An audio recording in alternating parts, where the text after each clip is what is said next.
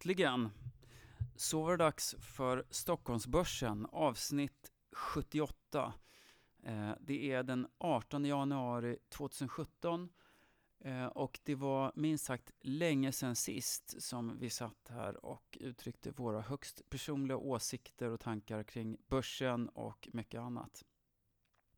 Ja, eller vi och vi. Nu är det inte vi längre, utan det är jag. Eh, Thomas Linnala har beslutat sig för att förenkla livet och rensa lite på sitt bord och då la han lite mer på mitt istället, vilket ju var bra för honom. Men tråkigt för mig och för er, eh, för det betyder att det är en soloprestation, i varje fall idag, här på Stockholmsbörsen från mig, Lars Frick, unge herr Frick. Eh, så att, fast det är klart, nu är jag inte ung längre eftersom jag tillhör snittåldern här på podden.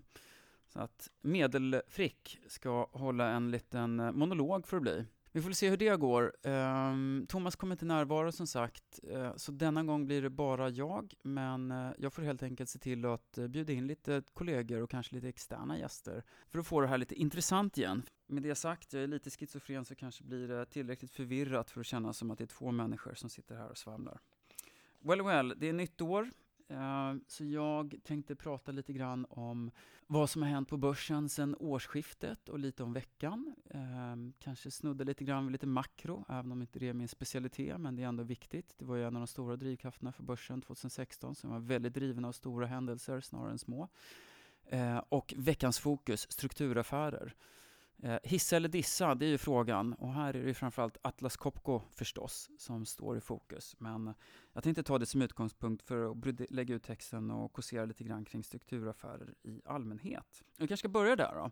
Strukturaffärer är alltid kittlande. Eh, från ett analytikperspektiv så är det ju ofta så att där kan man både skapa och förstöra mycket värde. Så det är ganska lätt att bygga en en story kring en strukturaffär. Och det är lite intressant att säga att ja, mina prognoser är 1,2% högre än konsensus och därför en aktie köpvärd. Men här finns någon sorts drama, eh, vilket alltid engagerar. Och det kanske är samma sak för ledningen i bolag som gillar att göra såna här saker. Att det är lite macho att stycka och förvärva kontra att sitta och eh, finlira med tusen små nyckeltalsrattar över åren. Um, Ytterligare ett intressant faktum här är ju att det är Atlas Copco som står i fokus. Jag menar, om man tänker sig vilka bolag som har varit mest i ropet när det gäller eh, krav på avyttringar så är det ju verkligen, verkligen inte Atlas Copco utan det är väl snarare ABB då om man tänker sig bland stora verkstadsbolag. Där år efter år efter år har diskuterats huruvida det här bolaget borde delas upp. Där tydligen då i princip alla utanför bolaget tycker det men eh, inte så många innanför. Inte tillräckligt många i alla fall för att det ska bli av. Sandvik eh, har försökt nyligen, eh, men det lyckades inte. Fem i tolv så stöpte väl på någon förhandlingsteknisk detalj. Där blev det inte så mycket av någon sorts avyttring och istället så är det Atlas Copco som slår till. Eh, och är det här bra eller dåligt då? Ja, eh, de skäl som anförs av Atlas Copco för att göra en uppdelning av bolaget, eller en spin-off, är tycker jag då ganska allmängiltiga eller generiska eller hur man nu vill uttrycka det. Det handlar om att ledningen ska få mera fokus, eh, att det inte är så mycket synergier. Eh, det handlar lite om att det är lite olika cyklikalitet i de här verksamheterna. Den del då som ska bli nya bolaget då det handlar ju om gruvverksamhet som kanske inte har jätte, jättemycket att göra med, med andra verksamheter. Men ändå någonstans kan man vända på det också. Det är ju fortfarande verkstadsbolag, det handlar om stor utrustning, kanske typ samma typ av distribution och så vidare. och så vidare. Men nu har man kommit fram till att eh, man tjänar, någon i varje fall, bolaget tjänar på att dela upp det här. Är det kejsarens nya kläder eller inte? Ja, det kan man ju fråga sig. Jag menar, från ett investerarperspektiv så är det klart att ju spretigare en verksamhet blir, så vill man kanske ha en mängdrabatt. Där är ju investmentbolagens substansrabatt kanske det bästa exemplet. Att det är väldigt, väldigt få investmentbolag som handlas i paritet eller rent av över sin substans. Och då är det ju oftast det vanligaste skälet som man anför till det är att eh, om det finns eh, tio bolag i ett investmentbolags portfölj så kanske man gillar åtta och tycker att två är skräp. Så varför betala fullt pris för alla åtta? Ja, det är klart man vill ha en rabatt. Och det är väl också det som är logiken i ett aktieägarperspektiv då med att dela upp en verksamhet. Om man nu tycker att bolag som SCA eller nu Atlas Copco, att det finns eh, lite negativa synergier mellan olika verksamheter eller så kallade dolda värden. Så ett sätt att synliggöra de här värdena och, och skapa ett ökat fokus och få en rätt, mer rättvisande värderingar att dela upp verksamheten. Men någonstans måste det också finnas en avvägning för annars skulle man väl kunna tycka att Atlas skulle kunna bli åtminstone tio bolag. Man tar varje affärsområde och särnoterar det så blir det ännu mera fokus och ännu mera tydligt och så vidare. Så varför inte göra det? Ja, för att, förstås för att det finns synergier också. Att det är ganska bra att vara stor. Man får billigare finansiering med en stor balansräkning. I alla fall en bra stor balansräkning. Man kan få synergier i distribution om det är typ, samma typ av kunder som, eh, som man ska gå ut på och så vidare. Så det är inte en självklarhet. Så det tycker jag är en lärdom här, att man ska ta med sig att att visst, saker kan låta jättebra på pappret, och det är väldigt, men det är väldigt svårt som utomstående att verkligen avgöra, är det bättre eller sämre? Det vet man ju först när man jobbar i bolaget och möter kunder och ser hur organisationen går och så vidare. Så att det är inte liksom en självklarhet att den här typen av stora dramatiska förändringar är bra, även om det är väldigt lätt att känna det, eller känna så. En annan lärdom eh, är väl att tänka på motsatsslutet. Jag har haft en liten käpphäst att förvärv ofta förstör värde, eller oftare än att det skapar värde. Och den slutsatsen lite indirekt kanske får mera stöd här nu, för man tycker att det är bra med renodling och fokus. Då borde man väl också rimligtvis vara ganska skeptisk mot förvärv, i varje fall som grundinställning. Och även där finns det ju förstås skillnader. Det kan ju vara så att eh, ett bolag som har jättestarka marknadspositioner i Europa och har en mättad marknad och vill in i USA, ja då kanske det är bra att göra ett förvärv eh, för att komma in på den amerikanska marknaden snarare än att bygga upp en egen verksamhet, vilket tar väldigt lång tid och kan vara ganska dyrt. Och så vidare. Så även där gäller ju att man ska skärskåda argumenten för varför man ska göra det ena eller det andra, snarare än att gå på den här ryggmärgsinstinkten och tycka att det är lite dramatiskt och ser bra ut på pappret och så, och så eh, kör man upp aktiekursen för det. Så blir slutsatsen då? Ja, det är väl inte jättetydligt egentligen eh, om det här är bra eller dåligt för Atlas Copco tycker jag, men marknadens reaktion var positiv. Aktien steg lite grann på en i övrigt ganska svag börs när nyheten aviserades. Um, och det är väl säkert ett bra drag. Jag menar, om inte annat kan man vara lite motvalls då och tänka att om de gör det här utan att ha haft massa eh, aktieägare som flåsat dem i nacken och tvingat fram det här, eller någon Christian, eh, Christer Gardell som har varit aktivist eh, och hörts och synts i media och köpt en massa aktier för att trycka fram någon agenda, utan det faktiskt kommer lite mer inifrån. Även om säkert en del institutioner också varit med på spåret så, så förefaller det väl ganska bra.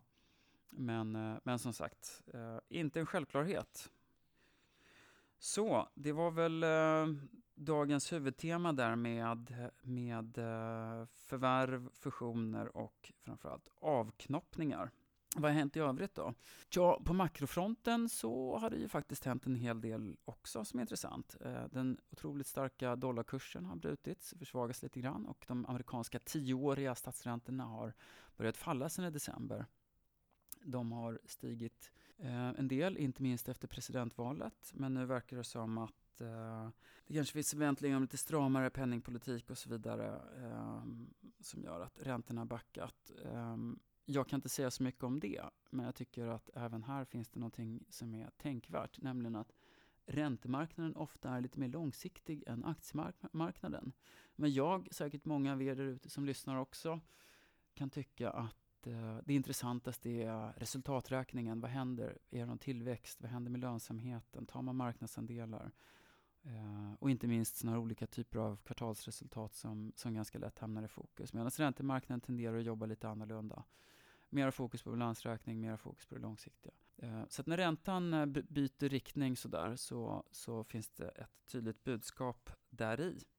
Ehm, jag har en kollega, den eminente Per Ståhl, eh, skrev häromveckan en väldigt intressant artikel om huruvida man ska investera i USA eller Europa.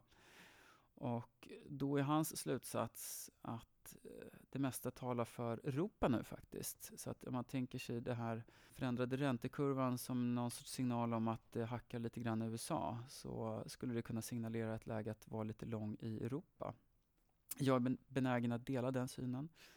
Eh, vi har ganska mycket bra makrostatistik i Europa, såna här inköpsindex som ligger på samma nivå som i USA. Vi har förvisso lägre tillväxt, men det är bra investeringstakt här. Det är mycket som talar för Europa på ett makroplan, att det kanske blir en återhämtning och även i ett börsperspektiv. Jag tänker bland annat på banker. De amerikanska börserna har lite annat fokus. Dels är det en mycket mer inhemskt orienterad eh, ekonomi eh, medan de europeiska börserna domineras av bolag som har mycket större exponering mot tillväxtmarknader och så vidare. Så det är mer exportdrivet. Eh, och det är en väldigt banktung region. Det är inte bara Sverige där bankerna dominerar index, det gäller faktiskt hela Europa. Banker har haft det väldigt tufft, men nu om man ser en stigande räntecykel här i Europa så är det gynnsamt. Det minskar pressen på inlåning och har en del andra bra effekter. Så trots eh, trötta italienska banker så finns det lite chans att banksektorn i Europa vädrar morgonluft, vilket skulle kunna lyfta hela, hela Europaindex och även det svenska. Jag gillar banker, i alla fall någon bank ska man alltid ha i portföljen. Själv har jag Nordea ehm, och Börsveckan skrev en utdelningsspecial här i veckan. Det har faktiskt HC mitt innehav, ni får ursäkta det men ehm, jag tänker att eh, det spelar ingen roll vad jag tycker om Nordea. Den kursen kommer ändå inte röra sig. Det är ju inte något småbolag direkt. Så då kan jag med gott samvete sitta och plugga det innehavet här. Ehm, men det har jag haft länge också och det kommer jag inte avyttra. Eh, mer om det där med transaktionsintensitet si senare i, i sändningen. Jag vet att ja, åtminstone en, men förmodligen de flesta som lyssnar på, på den här tycker att jag gör alldeles för lite affärer. Anyways, varför ska man ha det då? Det är bra direktavkastning och det är temat för förra numret av, av Börsveckan där vi gick igenom vår utdelningsportfölj. Den har faktiskt ett par år gått bättre än vår Börsveckan-portfölj som det ska vara flaggskeppet då, vilket eh, är både kul och lite irriterande. Eh, men det visar ju också att den här typen av aktier har haft en ganska bra resa. De senaste åren har, om man tittar på Europa Value, kanske underpresterat, men åtminstone sedan slutet av sommaren 2016 så är det en aktiekategori som faktiskt har kommit tillbaka rätt bra. Eh, marknaden blir mer osäker. Ehm, det kanske också beror på att eh, index har gått väldigt, väldigt bra. Om man tittar på MSCI Europe så har de sedan 9 mars 2009 eh, fram till årsskiftet så steg MSCI Europe Index med 173 procent. Det är en ganska ordentlig uppgång. Och det är klart, med, med så kraftiga rörelser så är det väl inte helt... Eh, ja, så är det väl inte konstigt att en del investerare kanske blir mer försiktiga. Det har i och för sig hänt mycket med vinstutvecklingen också. Det är intressant. Man tittar på den tidigare toppen då, som var i juli 2017. Då värderades Europaindex till ungefär P13. Nu är värderingen P14,8. Så att även om eh, index har gått 173 procent så har i varje fall vinsterna stigit med kanske någonstans i häradet 140-150 procent ja, ish, 130-140 kanske. Så det har hänt mycket. Det är dessutom väsentligt mindre än vad som har hänt i USA. USA Standard Poor Index, S&P 500, under samma period steg med hela 291 procent. Så att 291 mot 173, det är ju faktiskt väldigt, väldigt anmärkningsvärt. Intressant att notera är också att MSCI Europe vid toppen um, under, um, ja vad var nu det då? Det måste ha varit någonstans 2015 där någonstans Faktiskt var index lite under det hade varit i juli 2017 medan då S&P 500 är långt, långt, långt högre än det var i oktober 2017. Eh, så där har index gått väldigt, väldigt långt och vinsterna har inte hängt med utan det är högre värdering nu än det var för nio år sedan blir det väl då, 16 till 2007. Även det talar väl för Europa. Det har inte varit lika dramatiska uppgångar här. Ja, mer om det. Läs eh, Pelle Ståhls eh, krönika på placera.se om ni vill fördjupa er i makrot. Annars är det väl inte så mycket mer att säga där. Det kanske är lite diskussioner om handelskrig med Kina och så vidare. Men vad som händer där, det kan inte jag uttala mig om. Så jag pratar hellre om enstaka aktier.